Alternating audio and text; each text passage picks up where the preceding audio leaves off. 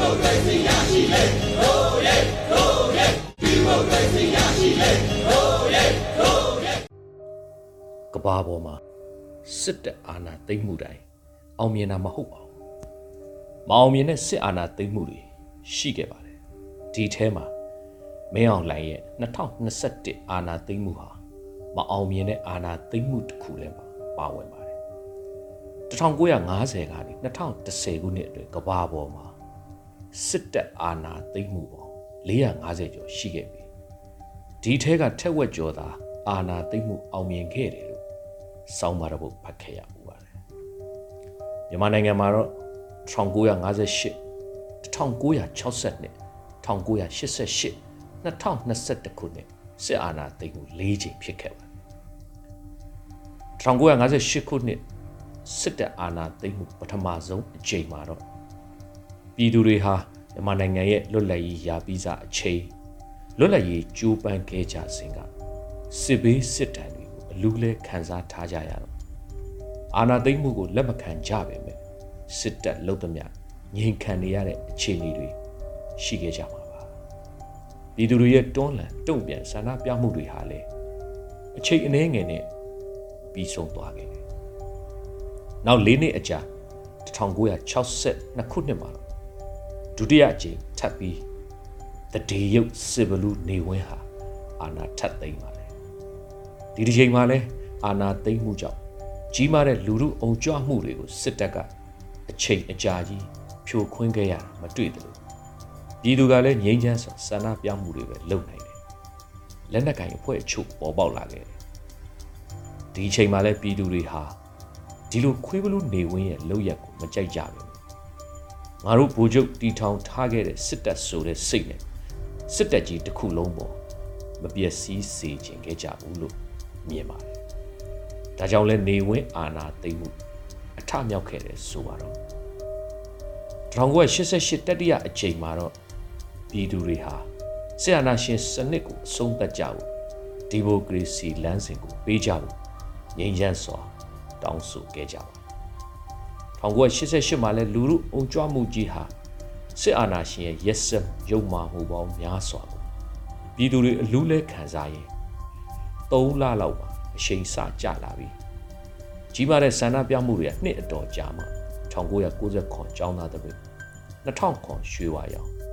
2015ကျောင်းသားတပိစတဲ့ဆန္ဒပြတောင်းဆိုမှုတွေကအစင်စင်ထပ်ပေါ်ပေါက်လာခဲ့ပါတယ်လက်နက်ကိုင်အဖွဲ့အချို့ထပ်မံ ပေါ်ပေါက်လာပါတယ်ထူးခြားတာကဒီအချိန်ထိပြည်သူတွေဟာမတရားတဲ့စစ်ကောင်းဆောင်တွေကိုဖယ်ရှားပစ်ချင်တဲ့စိတ်ပဲရှိတယ်။မဆိုင်တဲ့အောက်ခြေရဲဘော်တွေကိုမထိခိုက်စေချင်ကြပဲစစ်တပ်ကြီးတစ်ခုလုံးကိုအမြင့်ပြတ်ဖို့အထိစိတ်မကူးခဲ့ကြသေးပါဘူး။ယခု2021နွေဦးလူမှုတပိတ်နဲ့တော်လှန်ရေးကြီးပါရခင်အာနာသိမ့်မှုများထက်ထူးခြားသောအချက်များကတစ် တစ်နှစ်ကျော်ကြာလာသည့်အထိပြည်သူတွေရဲ့တရက်မပြတ်ဆန္ဒပြမှုတွေဟာကြီးလက်မြို့ပေါ်မှာပုံစံနီလန်းမျိုးစုံနဲ့ရှိနေစေပါနှစ်မဟာလာအာနာသိန်းတစ်နှစ်ကျော်အထိဘယ်နိုင်ငံကမှအစိုးရလို့အတိမတ်မပြုကြဘူးသုံးပြည်ပထောက်ခံမှုအားကောင်းတဲ့ NUG ပြည်သူအစိုးရတရက်ပေါ်လာတယ်လေးနိုင်ငံတွေကယင်းနှိမ့်မြုပ်နှံမှု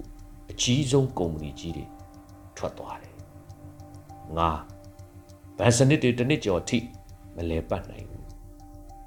6ရက်ကွက်ကြီးရွာတွေအုပ်ချုပ်ရေးမစိုးမိုးနိုင်ဘူး9အချို့မြို့နယ်ခရိုင်တွေအုပ်ချုပ်ရေးလက်လွတ်ထားရတယ်10ဝန်ထမ်းများကလည်းရခင်နဲ့မတူတဲ့စီရီယမ်လုပ်တယ်ចောင်းသားတွေကလည်းနှစ်ချီចောင်းမတက်ပဲစီရီယမ်လုပ်ပြတယ်ကို မာအလာရဲ့လောက်ရက်ကိုမထောက်ခံတဲ့စစ်တပ်ထဲကပြည်သူရဲဘော်ဥယေထောင်ပေါင်းများစွာစီရီယမ်လောက်လာကြတယ်။30ပြည်သူကလည်းယနေ့အထိ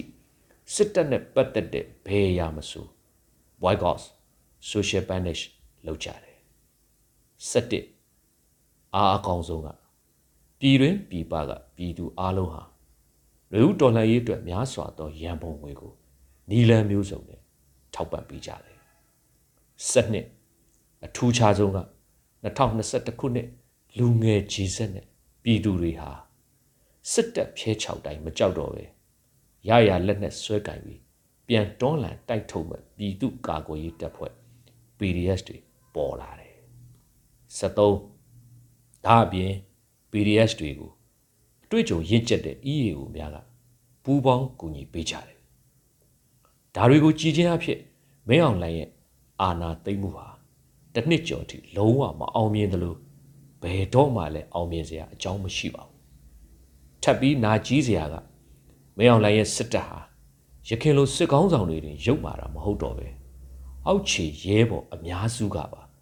ပြည်သူကိုမကာကွယ်တဲ့အပြင်ရက်ဆက်ရုပ်မာတက်ဖြတ်လာကြတော့ပြည်သူကပုံမုံလာကြပြီးမဟာလာစစ်တပ်တစ်ခုလုံးကို အမြင့်ပြတ်တွန်းလှန်မယ်ဆိုတဲ့ຫນွေဦးတော်လှန်ရေးကြီး ပေါ်လာတာပဲဖြစ်ပါတယ်ဒါဟာမင်းအောင်လှိုင်လိုစစ်အာဏာယူတယောက်ရဲ့မိုင်မဲမှုကြောင့်စစ်တပ်တစ်ခုလုံးပျောက်ရတော့မယ်ဂိမ်းပါ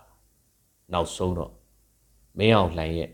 မအောင်မြင်သောအာဏာသိမ်းမှုမှသည်မဟာလာစစ်တပ်အမြင့်ပြတ်หนีကုန်းချုပ်စီတို့သာရောက်ရှိပါလိမ့်မယ်အရေးတော်ပုံအောင်နေပါပြီသခင်အန်